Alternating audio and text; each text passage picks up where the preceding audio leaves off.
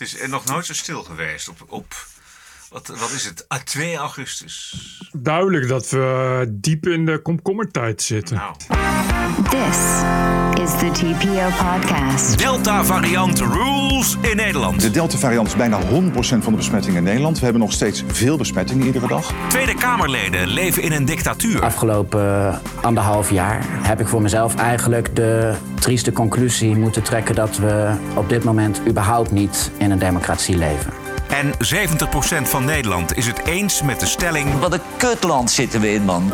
Aflevering 273. Ranting and Reason. Bert Bresson, Roderick Phalo. This is the award-winning TPO podcast. Maandagavond 2 augustus. Goedenavond Bert. Hallo, hallo mensen in het land. Het is, Het is nieuw. aug- augustus, het is nieuwsluw. Fuck. Maar gelukkig hebben we sportzomer. Dus vandaag was het sport, sport, sport, sport, sport. Ja. Sport, sportnieuws. En dat werd ook nog eens een keer onderbroken met deze nieuwsflits. Met sportuitslagen, Olympische Spelen. Ja. Skateboarden, zeilen, windsurfen, golf. Topsporten zijn het. Ja. Nee. Hoe weet je dit dan? Ja, precies. Dat, dit bedoel ik dus. Dit bedoel ik dus. Nou echt, dat je gewoon een hekel hebt aan sport, maar toch alles weet over de Olympische Spelen, omdat je nou eenmaal niets anders is dan sport. Zeker niet in Nederland, maar eigenlijk nergens. Maar volgens mij is nergens zo ergens in Nederland waar sport een soort dwaze volksreligie is. Ja, maar er is ook verder geen hol te ja. beleven in Nederland. En dat ligt Nee, niet aan de sport. Want het, is, eh, het nieuwsaanbod is onwaarschijnlijk slecht. Bijvoorbeeld een dag als vandaag. Het is leuk dat we toch nog een podcast maken. Maar met wat is de vraag? Dat, dat gaan we zo meteen horen. Maar er is, ook niet zo, er is ook niet zoveel anders. Er is heel veel sport. Nee, maar volgens mij eh, wordt er gewoon voor gekozen om dan het normale nieuws weg te drukken en dan sport te nemen. Dus alle verslaggevers zijn dan ook ineens sportverslaggevers. Neem de voorpagina van de Telegraaf online. Die bestaat gewoon Ja, voor, voor een heel groot gedeelte uit sport. De, ja, de eerste tien berichten zijn volgens mij sport. Ik, en vandaag, ik, serieus, ik keek vandaag op nu.nl. Maar het was echt sport, sport, sport, sport, sport, nieuwsbericht, sport, sport, nieuwsbericht, sport, sport, sport, sport, sport. Terwijl ik had gewoon op algemeen. En er is dus een kopje sport. Dan zou je denken, sportnieuws staat dan bij het kopje sport. Maar nee, sport is automatisch nieuws.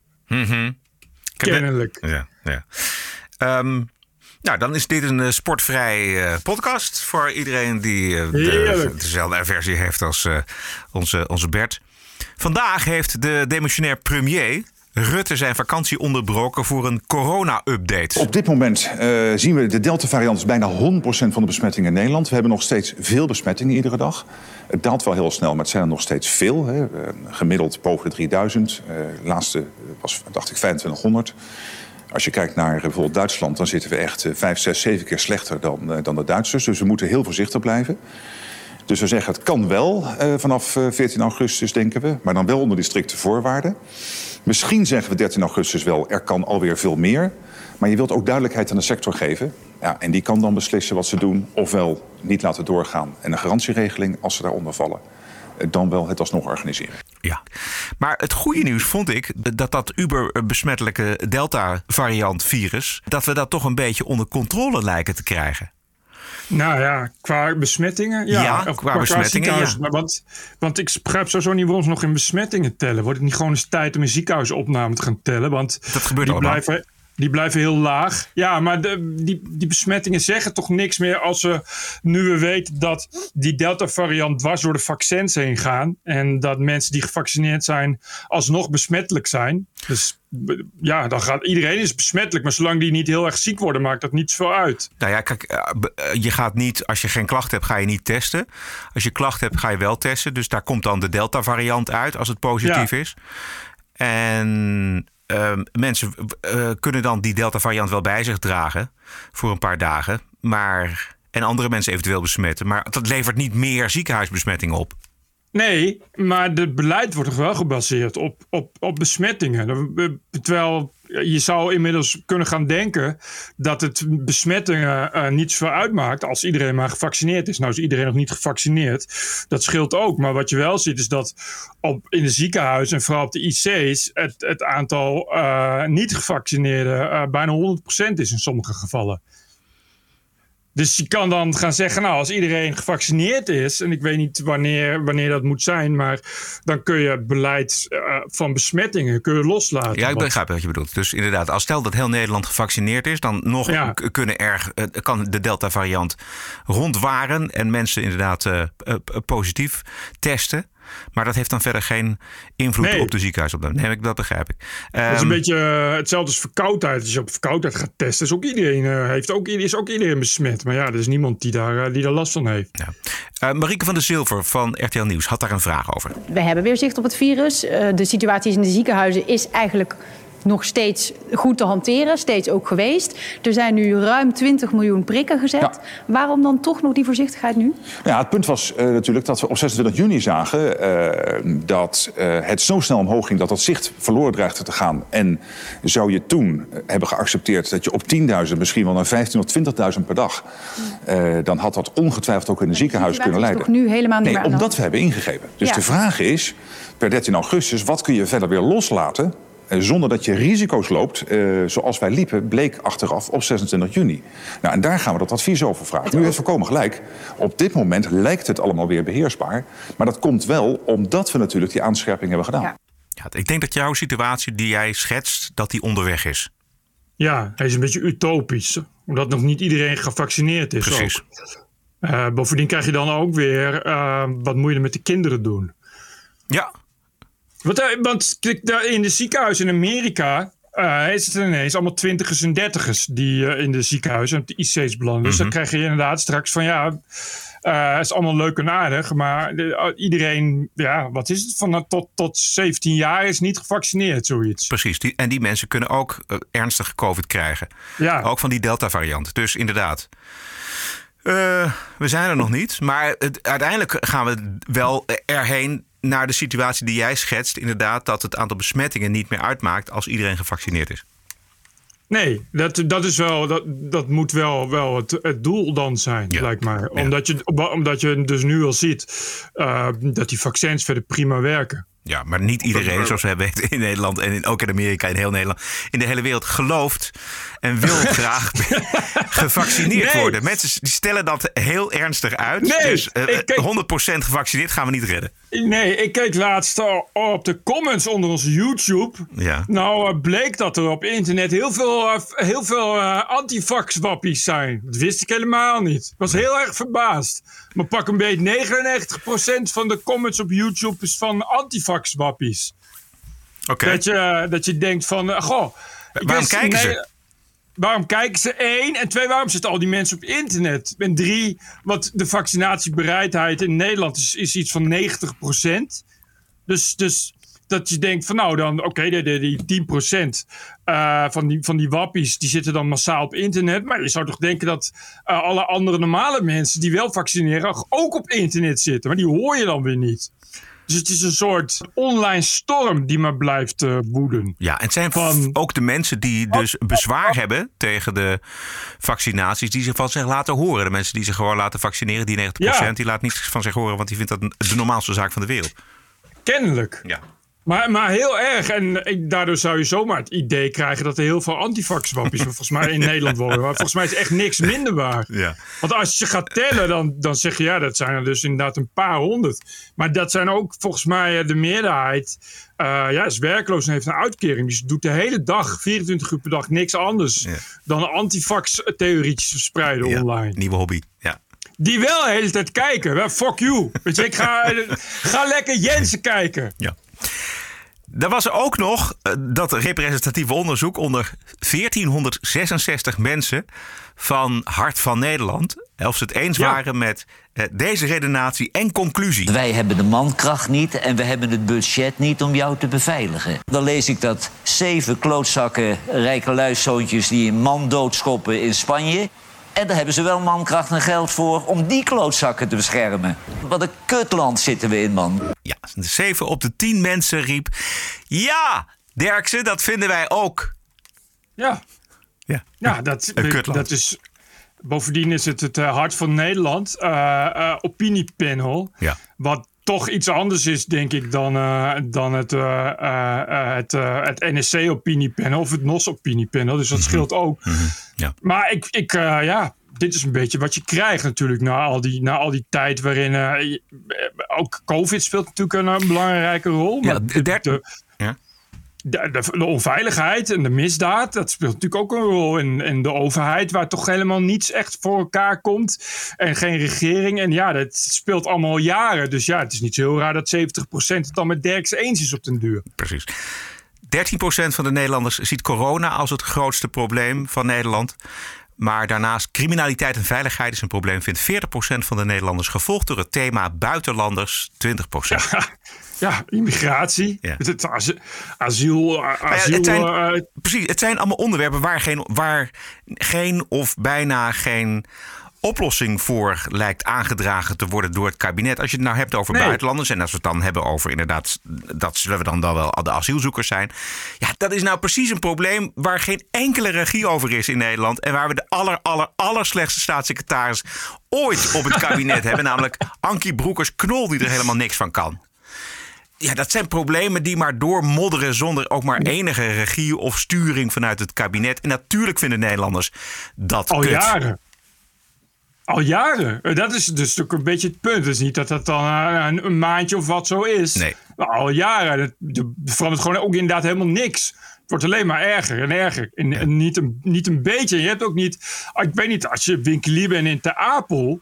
je hebt, Dan heb je denk ik al, eh, al tien jaar eh, dat je elke dag je zaak wordt leeggetrokken door eh, kansloze asielzoekers.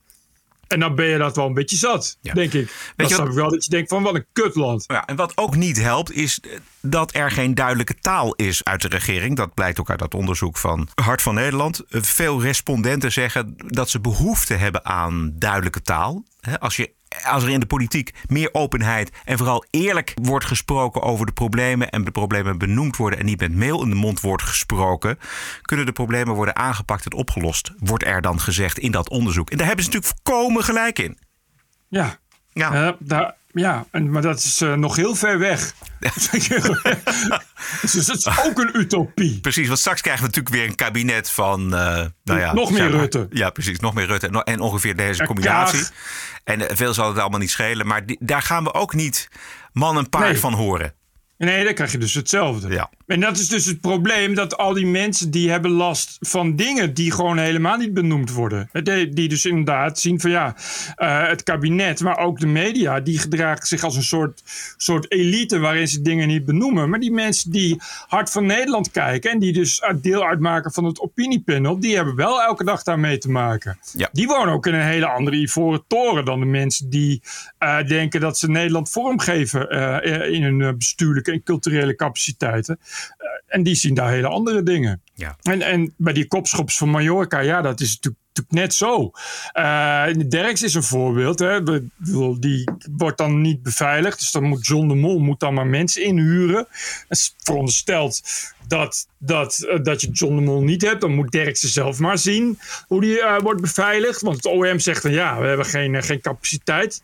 Ehm, maar eh, als dan op geen stel de namen rondgaan van, eh, van die kopschoppers, die worden dan wel beveiligd. Ja, eh, dan denk ik van ja, dan komt er de volgende dag komt er zo'n officier van justitie weer bij een of ander op één programma. Die, komt dan, die komt dan vertellen dat hij helemaal nog nooit een Ivoren Toren is uit geweest. En eigenlijk ook helemaal niet weet dat er nog een andere bubbel is. Die ongeveer uit, pak een beet, 16.900.000 mensen bestaat. Die niet bij het OM werken. En dan denk je ja. Ik heb niet het idee dat het de komende tijd minder kut wordt als ik die Rutger Jeuken zo hoor. Want dat is wel iemand die, precies wat je verwacht, wel heel ver van de realiteit afstaat. Ongeveer dus, wat je dus al weet, wat, het OM, wat er bij het OM gaande is. Ja, Rutger eh, Jeuken van, van het Openbaar Ministerie. Ik begreep totaal niet wat die man daar aan het doen was. Ik heb, ik heb ook geen fragment kunnen knippen. Omdat de man eigenlijk helemaal niks zegt en alleen maar probeert uit te leggen. Ik vond de ondervraging ook niet al te sterk, moet ik eerlijk zeggen. Maar, eh, en dat is volgens mij inderdaad waar mensen gewoon vragen stellen. En die vragen worden niet beantwoord. Er werd op de persconferentie vanmiddag ook eventjes gevraagd naar Nederland-Kutland. En dit is wat Rutte zei. Er is vrij, afgelopen vrijdag een panelonderzoek gedaan door Hart van Nederland. 70% van de Nederlanders vindt dat Nederland, sorry weer voor het taalgebruik, een kutland is geworden. Sorry, ik ga nu geen andere vragen dan over het Dit gaat ook over, dit gaat over corona. Ja, ik geloof het, maar eh, Raakt ik heb ook u- vakantie en over, over dat soort dingen praten we weer als iedereen terug is van vakantie. Ik beperk me nu echt even tot eh corona. Ja, dit, dit gaat ook over corona. Want dit- Ja. corona is een van Maar de u problemen. zult het even moeten doen met mijn antwoord. Ja, andere vragen. Oei. Oei, dat kwam even niet uit, kennelijk. Nee, dat kwam helemaal niet uit. En, maar ik, ik zag ook eigenlijk aan zijn ogen dat hij het misschien eventjes had gezien... maar dat hij helemaal geen zin had om daarop te reageren. Dus dan eh, kapt hij het op deze manier af. Ja. ja, het zal hem ook, denk ik, niet. eh, het maakt hem niet zoveel uit, geloof ik. Hij is meer bezig met. Als hij al bezig is met de politiek, dan is hij bezig met hoe ga ik straks regeren en met welke partij. Dus ja, eh, ja. Maar goed, maar kijk, Rutte is van het, eh van het eh, gaaf land. En dat is, en dat is precies eh, wat al die mensen zo tegenstaat. Dat je vooral te horen krijgt dat je helemaal niet mag zeggen dat het een kutland is. En dat het zo fantastisch is. Hoezo mag je dat niet zeggen? Hoezo? Dat is dan de reactie die je krijgt. Zeggen ze, nee, want Nederland is zo'n mooi, goed georganiseerd land. En dan denken die mensen, ja, maar ik, ik, ik, volgens mij, het is vooral goed ook georganiseerd als je iemand wil omleggen of als je eh, eh, een, een drugsimperium wil beginnen. Dan is Nederland ook een goed georganiseerd land. En als je geld wil witwassen ook. Weet je, maar daar hoor je dan die mensen niet op. En het wordt altijd, altijd eh, gebracht als een soort ja, mooi suikerzoet sprookje. Eh, waar dan de rest, alle, neg- alle negatieve kritiek, moeten dan, ja, maar die, die, die wordt dan omheen geluld. ja, je, moet, je moet van- tevreden zijn. ja, en een soort, je krijgt altijd een soort, soort hip, hip hoera liberalisme van, van, van dat soort VVD'ers die dat dan als eerste weglachen. Want het is zo fantastisch in Nederland. Ja, Ja. Ik, dat, je kan dat toch niet lang volhouden als, als die mensen allemaal zelf hebben gezien hoe eh, Peter R. de Vries is neergeknald, bijvoorbeeld. Weet je, en dan denk ik, denk ik van ja, het ligt ook wel een beetje daaraan. Het ligt een beetje aan dat mensen ook wel eh, moe worden van, van niet alleen eh, Rutte en, en, en zijn, en zijn juichliberaaltjes, maar ook de media. en de politie die eh, drukker bezig zijn met het vormgeven van een nieuwe pruitvlag-logo. Dan, dan, dan actief bezig zijn met, met misdadigers Met opsporen. Ja. En, en- en een pruitvlag-logo waar dan ook nog Black Lives Matters vlag in zit. Ja. Dat je denkt van je zou haast gaan denken dat de politie niet neutraal is, maar bezig is met politiek. Ja. Wat ook meespeelt nog eh, als extra factor volgens mij... is dat de VVD natuurlijk in de afgelopen jaren... heel erg naar het midden ver- verschoven is. Weet je, dat was, vroeger was dat gewoon een partij voor... een echte volkspartij voor ondernemers... voor eh, burgers, voor mensen Precies. met van recht en orde. En omdat Rutte zo graag wil regeren... en steeds die meerderheden moet opzoeken... en het is natuurlijk ook... Het, dat, dat hele politieke landschap is natuurlijk versplinterd geraakt... dus hij moet steeds meer vriendjes raken bij iedereen. Nou, VVD is Rutte. Dus die VVD is ook heel politiek praktisch geworden. In de zin dat ze dus eh, met iedereen vrienden moeten blijven. En dat steekt En- ook een hoop mensen. Ja, en correct. Politiek Ja, correct. En politiek En correct. dat, en dat doet pijn. Maar ik zeg het nogmaals, het feit dat je, eh, eh, dat je tegenwoordig de belangrijke zaken op geen stijl moet halen, Ja. is natuurlijk veelzeggend. Dat, dat, en dat vinden die mensen natuurlijk ook. Ja, ik, ik, ik, ik begrijp dan wel dat, dat mensen dat allemaal kut vinden. Hm. Ik begrijp sowieso dat het een kutland is. Ik woon ook niet in Nederland. Dat is, dat is, eh, het is hier, maar ik woon niet echt een kutland trouwens. Nou ja, eh, Ik denk, dat- ik zeg het maar. voor Ja, dat ja. mensen ook weten dat je ergens anders heen kunt. Ik zou niet hierheen gaan trouwens. Nee. Ik zou gewoon ergens anders. Ja. Maar dingen zijn bij jou dan weer kutter geregeld dan in Nederland. Dat wel. Dat wel. Ik zou, ik zou eh, hier geen ruzie willen met de Belastingdienst. Ja. Of In Nederland ook niet trouwens. Ja, Nee. Maar, en, en er zijn allerlei zaken die langzamer gaan. En die minder goed geregeld zijn. En minder dat snel en zo. Dus ja. qua snelheid is, eh, Nederland, is Nederland wel goed, alhoewel.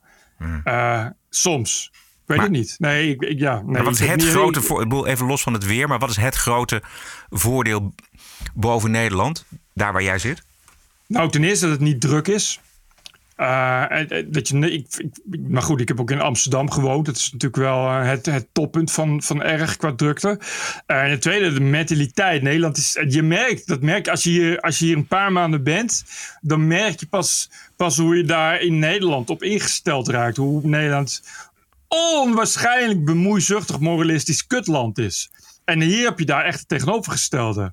Uh, hier willen mensen zich überhaupt niet met je bemoeien. Ik denk dat je hier dan ook wel weer sneller uh, drie maanden dood in huis ligt voordat iemand je vindt. Ja. Omdat überhaupt niemand. Maar dat, dat is wel echt, dat merk Het is gewoon anders. Als je in Nederland in een, zeker in een bus of een trein, want ik had geen rijbewijs in Nederland, dus ik gebruikte openbaar vervoer. En nou, openbaar vervoer in Nederland is natuurlijk per definitie kut. Um, maar je merkt hoe je daarop ingesteld raakt. En de eerste keer dat ik hier een bus instap, denk ik van, goh, wat is die veel relaxter relaxtere mensen, een relaxtere mentaliteit. En echt duidelijk, mensen letten gewoon niet op je. Dat, is, dat, is, dat bemoeizuchtige heb je hier gewoon niet. Het is hier veel uh, uh, ja, ja, sympathieker en gemoedelijker. En, en, en dus ja, bemoeizuchtig is echt, is echt, dat is echt zo Nederland eigen dat als je daar een heel leven woont, wat ik heb gedaan, dat je dat zo eigen maakt dat je pas als je daaruit bent merkt hoe het was. Hoe erg dat was. Ik denk dat heel veel mensen dat ook wel kunnen herkennen. Mensen die ook, ook uit Nederland zijn weggegaan. Ja, ik herken het ook. Het is een mooi schets, Bert. Eh, het, het, was maar 13% van de ondervraagden in het onderzoekje van Hart van Nederland. Die baalt van corona. En een, een kleiner percentage loopt uh, te hoop tegen de coronamaatregelen. Maar nog altijd wel een vruchtbare markt voor Forum voor Democratie. Uh, en waar de partij groot werd door idealen, zo klein is het geworden door het sectarisme. De ambities omvatten al lang niet meer de nazistaat Nederland, maar iets kleiners in de marge is ook goed, zegt Baudet zelf. Klein stukje Gideon van Meijeren bij Café Weltschmerz. Wij geloven totaal niet meer in een oplossing van oh, we moeten dadelijk gaan meeregeren en dan kunnen we via die weg kunnen we het beleid bijsturen. Nee. Wij moeten uh, chockeren de boel, het debat ontregelen en de mensen die ons dit aandoen, uh, ja, niet sparen. En uh, ja, dat is denk ik de enige weg nog om uiteindelijk ervoor te zorgen dat mensen toch zich massaal tegen dit beleid gaan keren. Ja, ja massaal tegen dit beleid gaan keren onder leiding van het Forum van Democratie. Ja. Het uh, coronabeleid maakt Nederland tot een uh, tyrannieke overheid. Dat heeft hij daarvoor gezegd. En die definitie is zo ontzettend belangrijk, omdat iedereen voelt dat tegen een tyrannieke overheid elk verzet gerechtvaardigd is. Als een bevolking onderdrukt wordt, dan ontstaat er op enig moment ook een recht van verzet. Recht van verzet. Geen ja. ontkomen aan. Ja, ja ik, er waren tijden dat je daar nog over kon opwinden. Over dit soort onzin wat door politie wordt gespuit. Maar we zijn nu al zo gewend aan, aan, uh, uh, aan deze complotmarmot. En, uh, en, en, de, en, en de rest van het, van het gaai dat het eigenlijk ook niet... hij was laatst in Tilburg, zag ik. Thierry Baudet. Maar het, is wel, uh, het begint nu al heel, uh, heel uh, winderige veldjes met uitsluitend werkloze wappies te worden. Ik vind het toch ongelooflijk dat hij eigenlijk nog in de peilingen nog steeds met, wat is het, drie à vijf zetels in de Kamer mag blijven. Ja, dat, dat snap ik ook niet. Nee. Dat, dat snap ik ook niet. Maar, maar wat je gewoon ziet is dat al die mensen uh, ja, dat is wel echt, echt het, de onderkant van het electoraat. Dat zijn die 10% vaccinatieweigeraars. Ja. Die, zich daar, die zich daar allemaal maximaal aan verbinden. En ook niet zo heel veel anders hebben. Het is natuurlijk ook uh, meteen een volledige, uh, volledige horizon en identiteit in hun leven.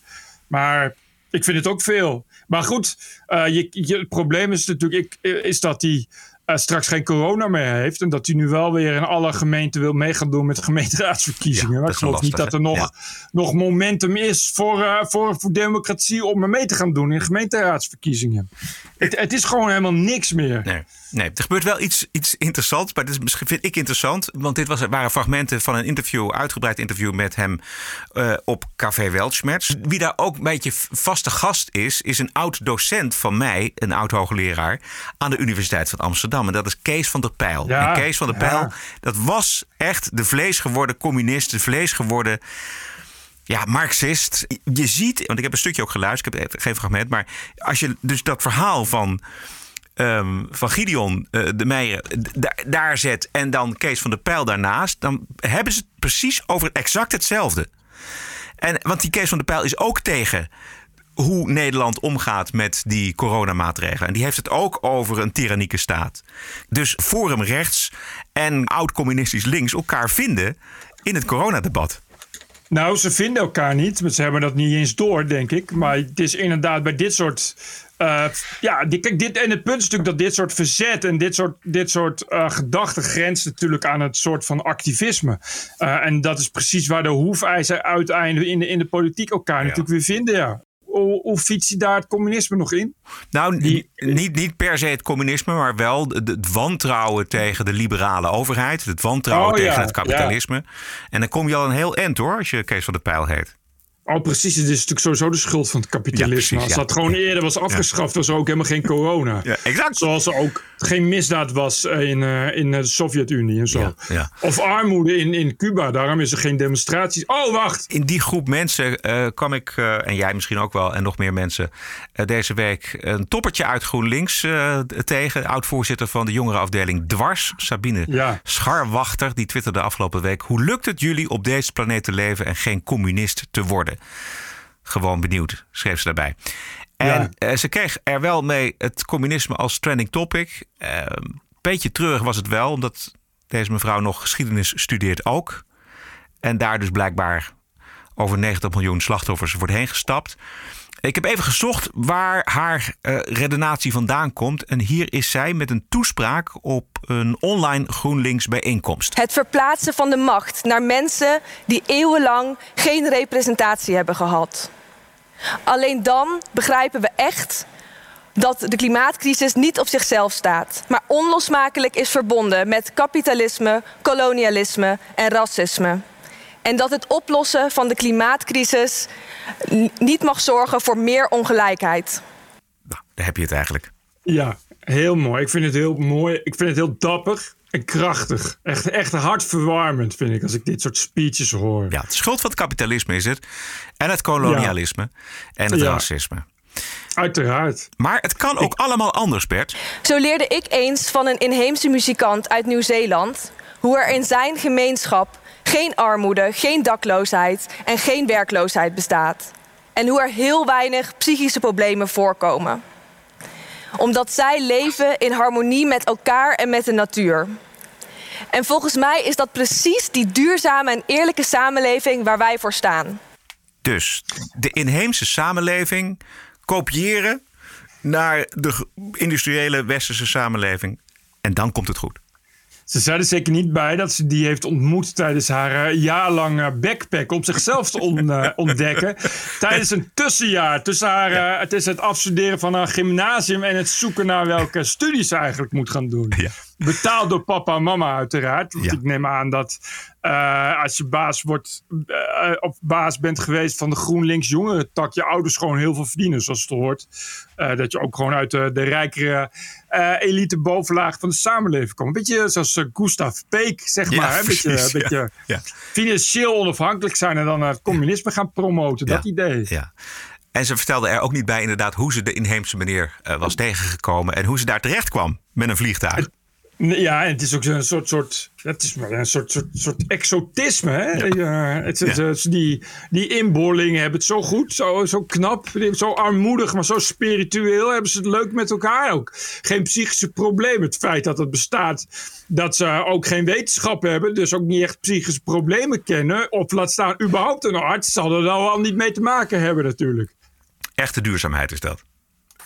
Ik stel voor dat eh, Sabine Scharwachter zich gewoon gaat aanmelden bij zo'n inheemse gemeenschap. En daar dan eh, leuk gaat leven. Ik zou zeggen, dat is toch het mooie begin dan ook voor jezelf. I was offended and I have rights. TPO Podcast. You're an adult. Grow up. Deal with it. I don't care. care. Dit zijn de berichten uit de open samenleving. Mensen, bedrijven, instanties die zich een slag in de ronde deugen. En die buigen voor de terreur van de identiteitsideologie. De bijna 80 jaar oude Britse Vegan Society goes bijeen.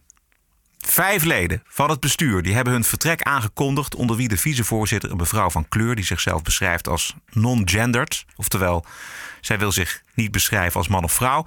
En ze schijnt wel een beperking te hebben. Want in een afscheidsbericht omschrijft deze Ja. vicevoorzitter zich als meervoudig gemarginaliseerd lid. Als zijnde zwart, queer en beperking en working class ook nog.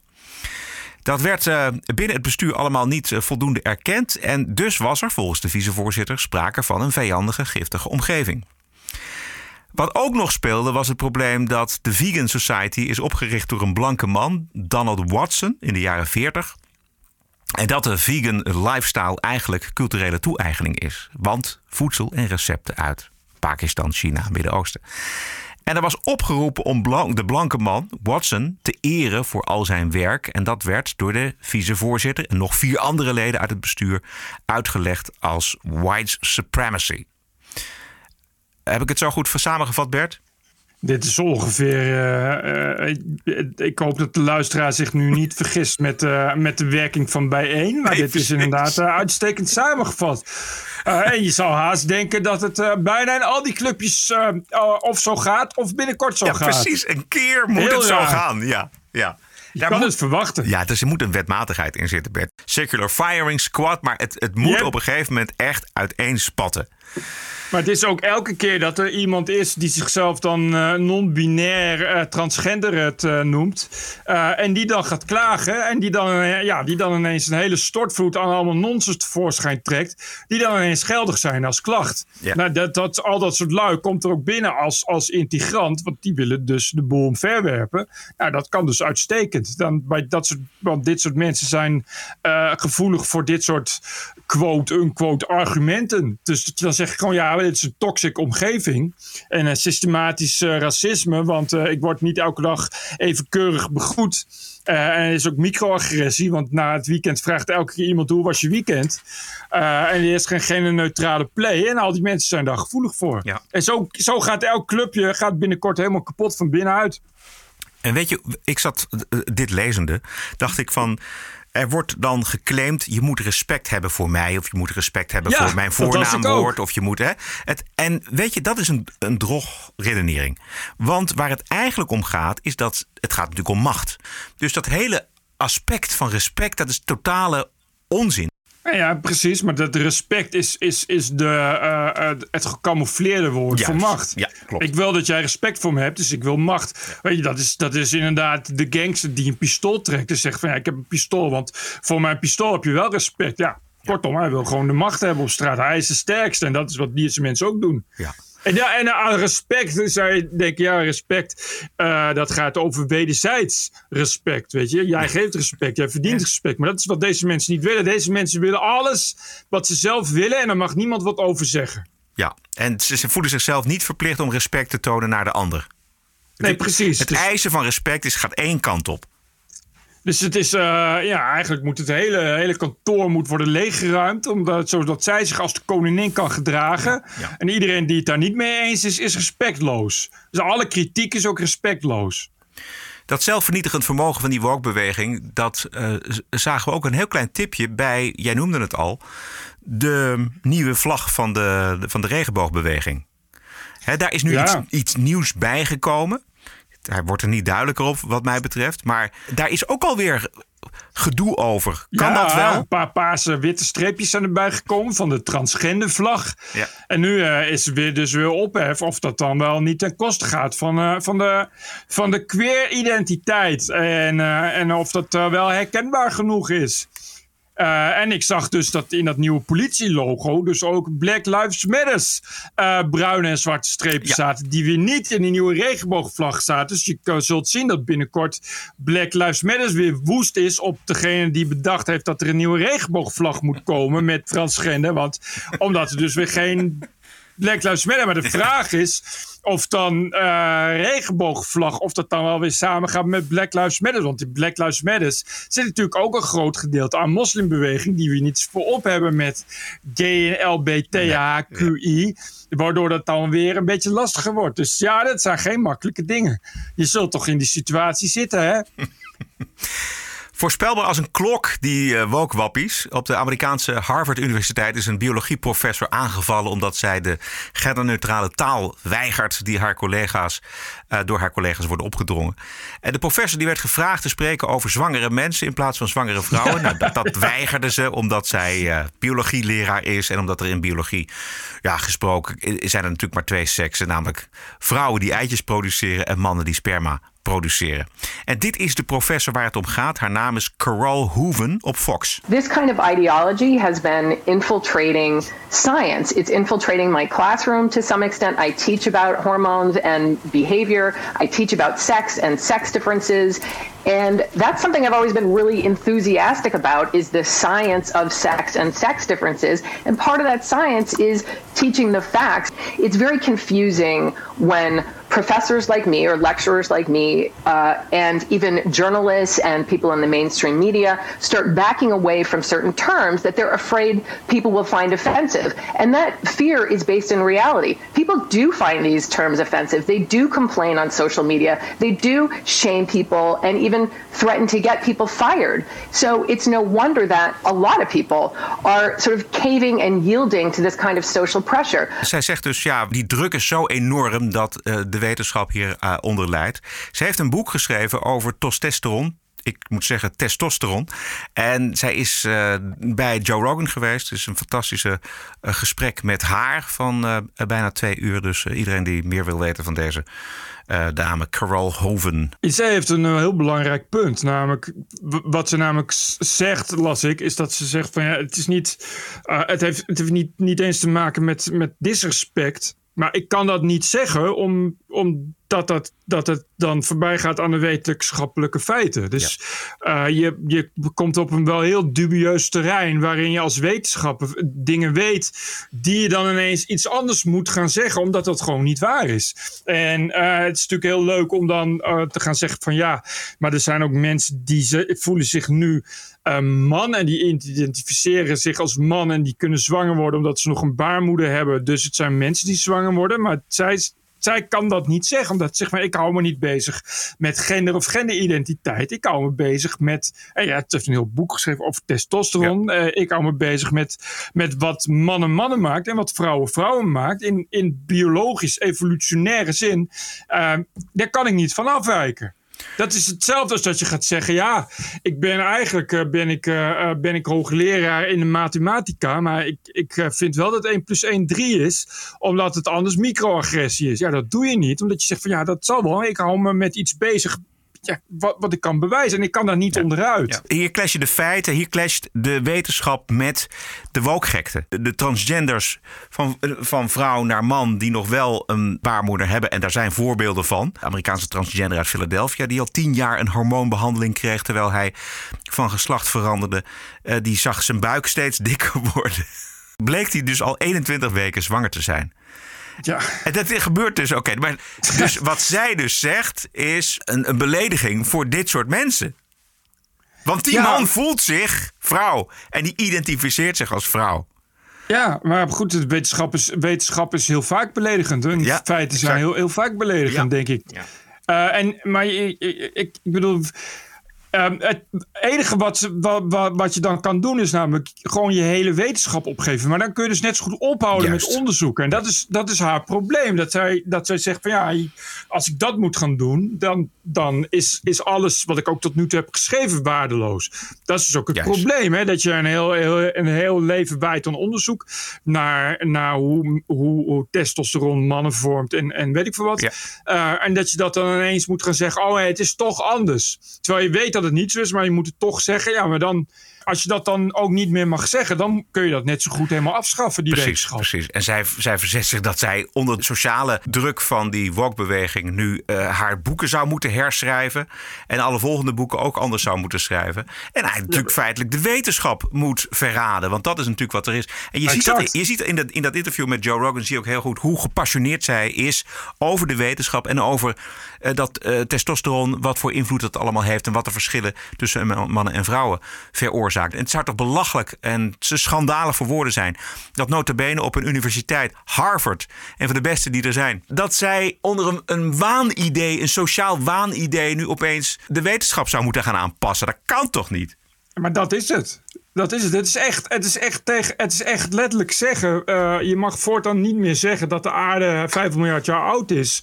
Want die is 6000 jaar geleden door God geschapen. Ja. Want dat staat in Genesis. Ja, en er zou echt geen enkele geoloog of bioloog uh, zou, daar, zou zeggen: Oh, daar hou ik rekening mee. Want anders is het kwetsend voor al die gelovigen.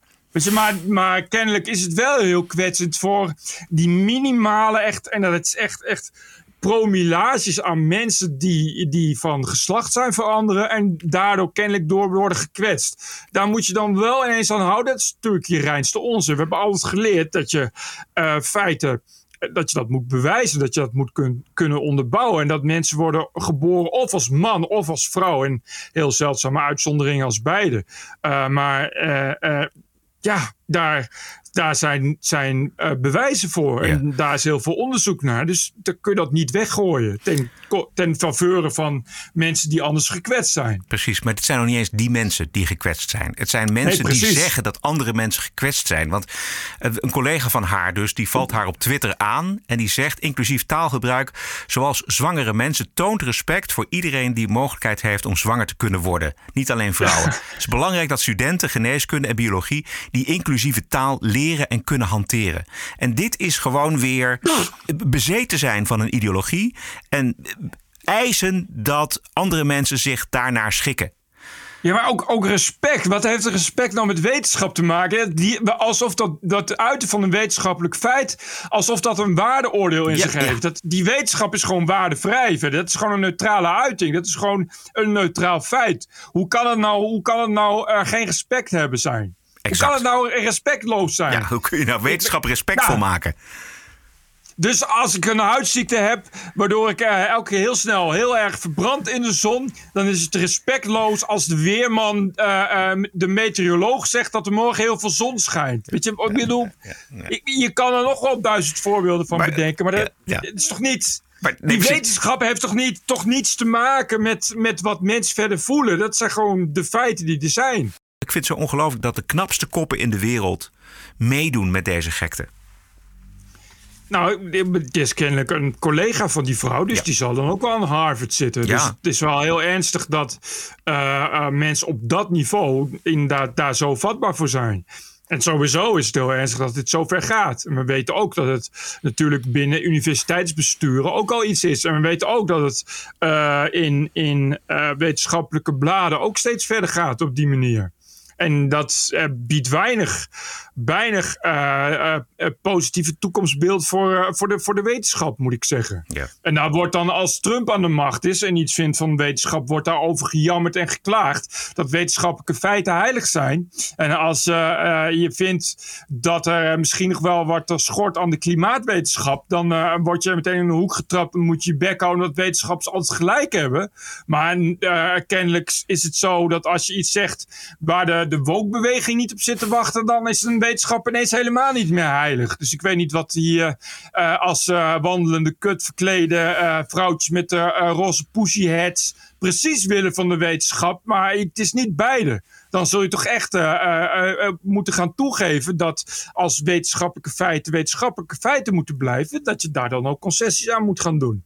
En dat het gewoon zo blijft dat uh, uh, vrouwen een baarmoeder hebben. En dat als iemand uh, eruit ziet als een man en zichzelf een man vindt en zwanger wordt, dan zal hij wel een baarmoeder hebben. En dan zal dat wel betekenen dat hij als vrouw is geboren. En dan moet je daar niet ineens heel raar heel moeilijk over gaan doen. Want dan is dus precies die wetenschap die je zo heilig vindt, die ben je dan weer aan het ondergraven. En dan moet je niet gaan klagen als straks Trump weer komt met alternatieve feiten. Want daar heeft hij dan wel echt alle recht op om daarover te zeiken. Ja. Ik heb er nog eentje.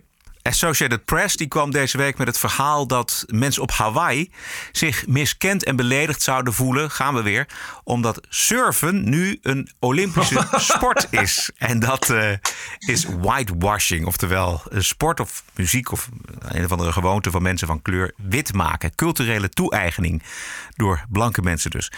Uh, Bill Mayer had er een stukje over. The Associated Press is a real news organization, yeah.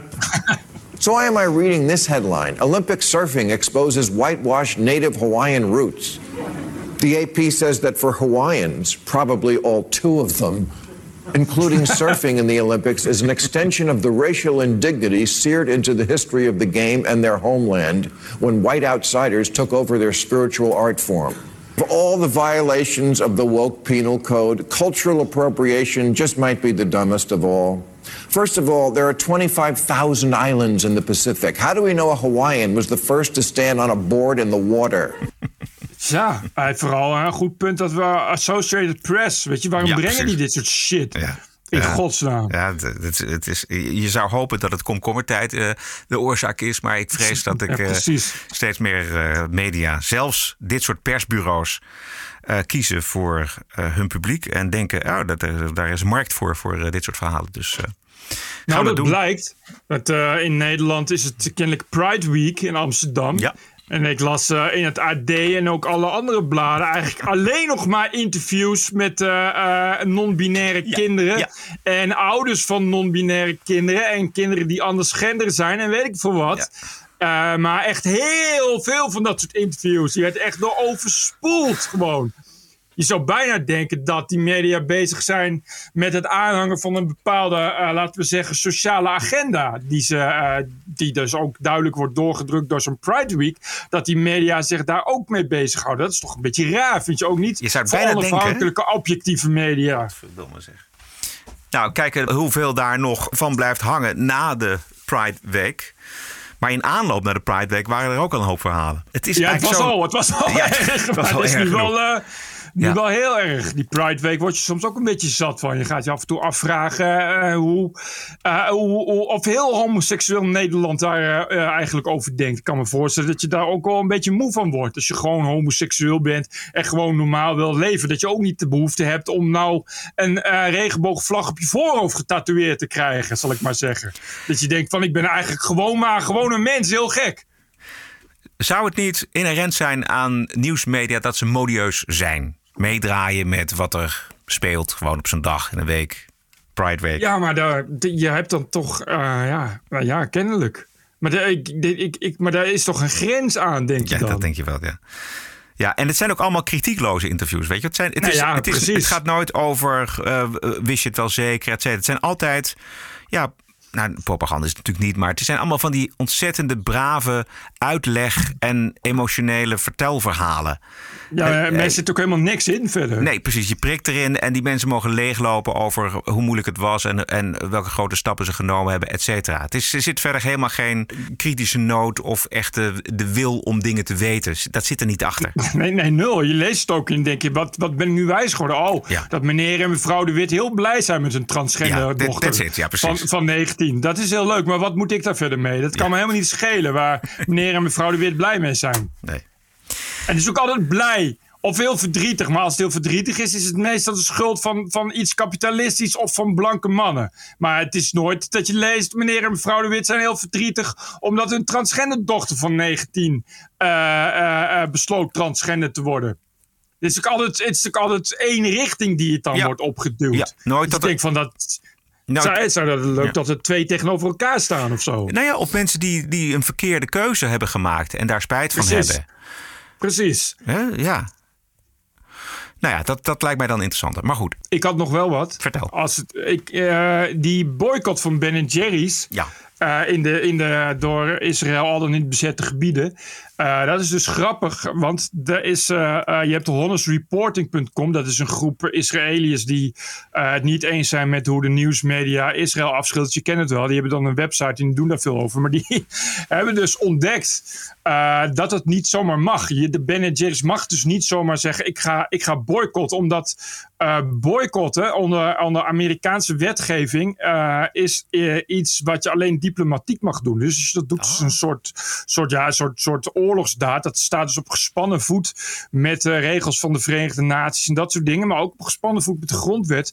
Dus die gaan nu, eh, eh, die gaan nu eh, een rechtszaak starten. en dat is, eh, dat is allemaal heel grappig. Ja. Dus dan kan het eigenlijk helemaal eh, de, de soep inlopen. Ja, dat gaat het zijn nu. eh, even kijken. Er zijn nu 34 staten die eh, moeten ophouden met het, met het, het zaken doen van, eh, met, met bedrijven die Israël boycotten. eh, om, omdat dat niet mag. En dat is een een eerder verhaal. En er zijn dus ook federale wetten tegen boycotten. Onder andere onderdelen van de grondwet zelf. En daar is waar deze jongens eh, of deze jongens en meisjes, ik weet het niet, maar waar deze eh, website dus op gaat, eh, gaat inspringen. En die gaan dus inderdaad echt een zaak beginnen om te zeggen van ja, je dit is gewoon een, een vorm van apartheid die niet is toegestaan onder internationale wetgeving. Nou, dan mag misschien dat je daar nog onderuit kan. Maar ik denk dat de Amerikaanse wetgeving daar heel erg duidelijk over is. Kijk, er zijn Ja. natuurlijk een tal van moslimlanden die Israël boycotten. Dat is, eh, Precies, precies. Dus dat, dat, dat, daar is wel onderuit te komen. Maar de Amerikaanse wetgeving is meestal heel erg strikt. En als die hierop inspeelt, dan lijkt het mij een lastige zaak worden Ja. voor Ben Jerry's. Hier staat het in het kort: een, een, een private boycott tegen eh, een, een overheid eh, valt niet onder vrijheid van meningsuiting. Wat je dus bijvoorbeeld wel hebt eh, als de Civil Rights Movement dat doet. Maar eh, in dit geval is het een, eh, een vorm eh, van. Eh, is het een vorm die alleen de staat kan aanwenden. En dat is net zoiets als oorlog. En dat is dus inderdaad. eh, mag alleen de federale overheid doen. Zo.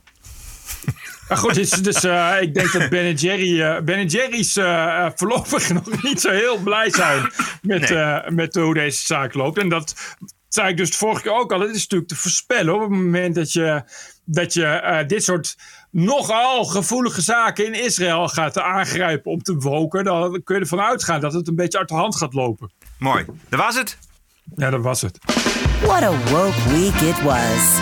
This is the TPO Podcast. TPO Podcast. Wij leven niet van subsidie, we vragen het niet aan en we krijgen het ook niet. En geen commerciële invloed. Maar de donaties, daar gaat het om. Ranting and Reason. Wat is het je waard? Elke maandagavond kijken wij hoe de TPO-podcast op waarde wordt geschat. En lezen wij de reacties eh, in de postbus info.tpo.nl. En er komt nog een extra puntje bij vanavond. Want eh, we hebben een eh, medewerker, zouden we wel kunnen zeggen. In ieder geval iemand die voor ons altijd de filmpjes knipt. En dat is eh, Julian. Ja, hij wil een nieuwe laptop kopen. Precies. En dan is hij wat mobieler. En dat, is, eh, dat gunnen wij hem natuurlijk van harte. En dat, wie, wie, wie niet? Dus waarderen eh, voor Julian kan. Zet, zet er wel eventjes bij dat het voor hem is. Kan op tpopodcast.nl. En dan nu de zakken met post.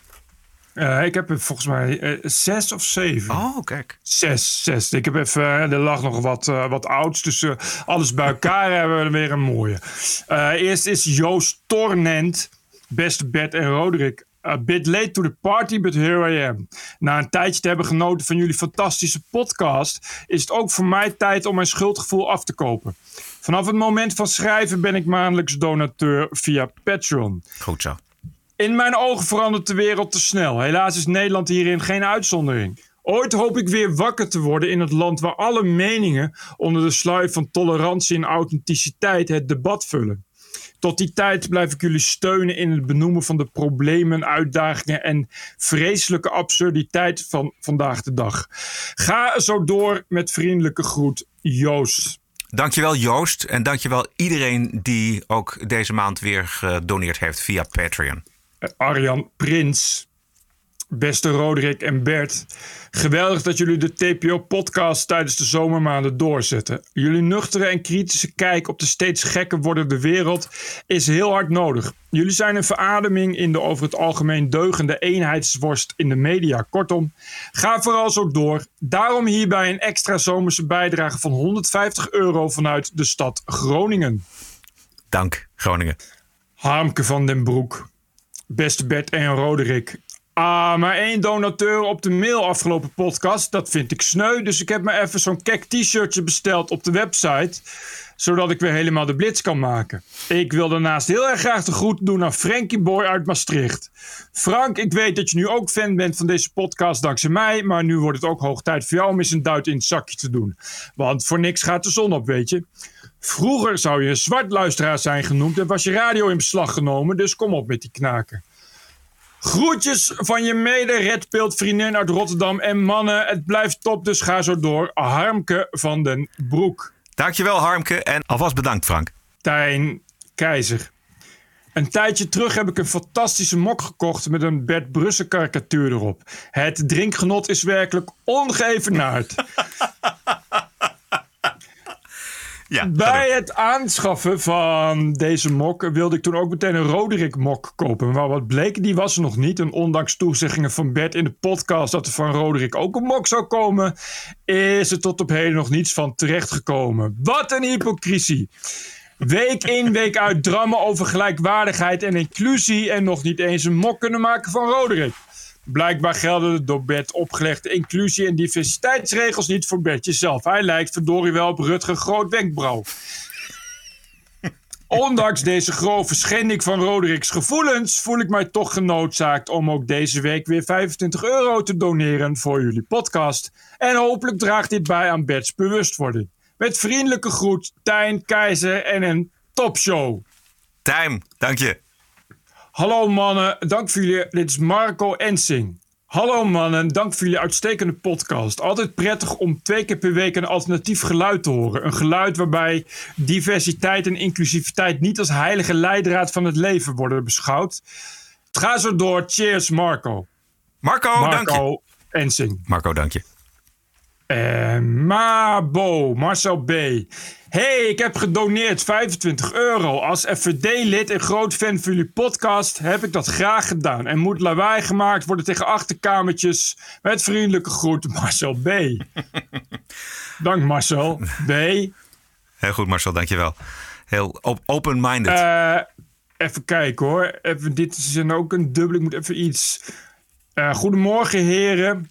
Eh, eh, oh ja, hier. mijn man verstaat geen Nederlands, maar luistert tijdens de maaltijden altijd geamuseerd naar mijn in het Frans vertaalde samenvatting van jullie uitzendingen. Daarna woken we samen nog even gezellig door onder het genot van een glas wijn of twee. En we komen dan soms op de meest hilarische ideeën. Ik vroeg me tijdens een van die woke-sessies af of het nog wel verantwoord is dat ik me regelmatig insmeer met zelfbruinende crème. Ik lig namelijk niet zo graag in de zon. Misschien wordt het tijd dat ik mijn witte, lees schuldige huid accepteer in plaats van me te verstoppen achter mijn gebronste nepkleurtje. Mijn politiek geëngageerde vriendin Christine, al heel lang een trouwe luisteraar van jullie podcast en net als ik woonachtig in Frankrijk, stuurt me af en toe een appje met Bert was weer goed op dreef. Jullie vormen een goede mix. Bert haalt uit Roderick, haalt uit en Roderick zet het dan weer terug op de rails. Ik kijk alweer uit naar dinsdag. Tot gauw en hartelijke groeten uit het Dordogne, waar de zomer nog steeds niet op gang wil komen. Monica Mazurie. Monica. Monica Mazurie. Mazurie. Naam. Dank Monica. Dankjewel. Dit was hem. Geweldig. Iedereen bedankt. Ook eh, de mensen die automatisch betalen. Geweldig bedankt. En zoals Harmke zegt, voor niks gaat de zon op. Dit is de TPO-podcast. Een eigenzinnige kijk op het nieuws en de nieuwsmedia. Twee keer per week, elke dinsdag en elke vrijdag. 100% onafhankelijk, want zonder reclame en zonder een cent subsidie. The award winning TPO podcast. Wat is het jou waard? Een euro per aflevering, 104 euro per jaar of kies zelf een bedrag. Waardeer en doneer op tpo.nl slash podcast. De TPO-podcast. Wat is het je waard? Omdat het komkommertijd is, heb ik alleen nog een bonusquote, Bert. Mooi zo. Het is toch komkommertijd. The award winning TPO podcast. En de bonusquote komt uit een documentaire video van een Amerikaanse verslaggever. die wij al vaker hebben laten horen, Bert. Amy Horowitz. Hij was onder meer de man die aan zwarte Amerikanen ging vragen. of het werkelijk zo was, zoals de Democraten roepen. dat zwarte Amerikanen niet in staat zijn om een eigen ID aan te vragen. Misschien kun je dat nog wel herinneren. Ja, ja, ja. ja. En afgelopen maand publiceerde hij op YouTube een verslag over Black Lives Matter. En het fragment dat je hoort is het eh, gigantische gat tussen de zwarte ideologen en de zwarte burgers in de wijken over het ontmantelen van eh, de Amerikaanse politie. This video, I spoke with people in the Black Lives Matter leadership and hundreds of BLM supporters across the country to get a sense of their values and thoughts on the direction of our nation. I met with Melina Abdullah, a national leader in the Black Lives Matter movement. Policing evolves from chattel slavery. So, wouldn't it be ridiculous to say, let's reform a vestige of chattel slavery? We do have to be prepared to um, completely dismantle the system of public safety. One of the things that I think about when I hear people say, you know, they want to defund the police or abolish the police, I think about this neighborhood. I think about the work that we're committed to doing. And I think about how idiotic those type of statements are for people who live here. Uh, the impact that it would have on um, the increase of violence, the increase of crime, the chaos that it would bring. We're already dealing with difficult times and difficult days in, their, in our neighborhood. And the last thing we need is for the police to be defunded. Het is gebeurt misschien wel altijd dat ideologen helemaal losraken van de werkelijkheid. Ja. En in dit fragment komt dat volledig tot uiting. Maar zij zegt dus, die, die, die, een van die leiders van Black Lives Matter zegt dus inderdaad gewoon, we moeten, we moeten eh, eh, ons voorbereiden op de totale afschaffing van eh, het veiligheidsapparaat wat we hebben. Het veiligheidsapparaat in de straten van, van Amerika. Dus het, het gewoon het compleet neerhalen van de wetshandhavers van de Ja. politie. Ja, ja en, al die, al, en al die zwarten die een winkeltje hebben of een bedrijfje. Er zit op heel veel te wachten. Behalve dan het afschaffen van de politie en de wethandhaving. Dat, zijn namelijk allemaal de mensen die, die inderdaad die je niet hoort. Die gewoon elke dag hard werken. Eh, en, en verder eh, eh, vast eens zijn met Black Lives Matter. Maar gewoon vinden dat ze gewoon normaal als mens behandeld willen worden. Ja, precies. Je hoort dus die, die, niet die allemaal onzin. Exact. Die, die laatste man die je hoort, dat is een, een zwarte pastor in, in een van de wijken van Los Angeles. En die zegt dat dus. We hebben de politie harder nodig dan, dan ooit. Eh, Hij zet het heel mooi tegenover elkaar. Eh, de- de- Het duurt ongeveer een half uur. Het documentaire video heet Inside Black Lives Matter van Amy Horowitz. En is eh, vrij te zien op eh, YouTube. Oké man. Dat was het. De TPO-podcast is te vinden op onder meer Spotify, Apple Podcast en natuurlijk tpopodcast.nl. Heel veel dank voor de ondersteuning van aflevering 273. Post kan naar info.tpo.nl. Lekker schrijven, vinden we leuk. En waarderen kan op tpopodcast.nl. En we zijn alweer terug, vrijdag 6 augustus. Stay cool! En tot vrijdag! Very nice, Bird. TPO Podcast. Bert Bruson, Roderick Balo, Ranting and Reason. Is this true? Yes, it's true. Podcasting is the TPO podcast in the Netherlands. Bert and Roderick. What a show. I'm telling you. Keep the show running. Go to tpo.nl slash podcast. Thank you.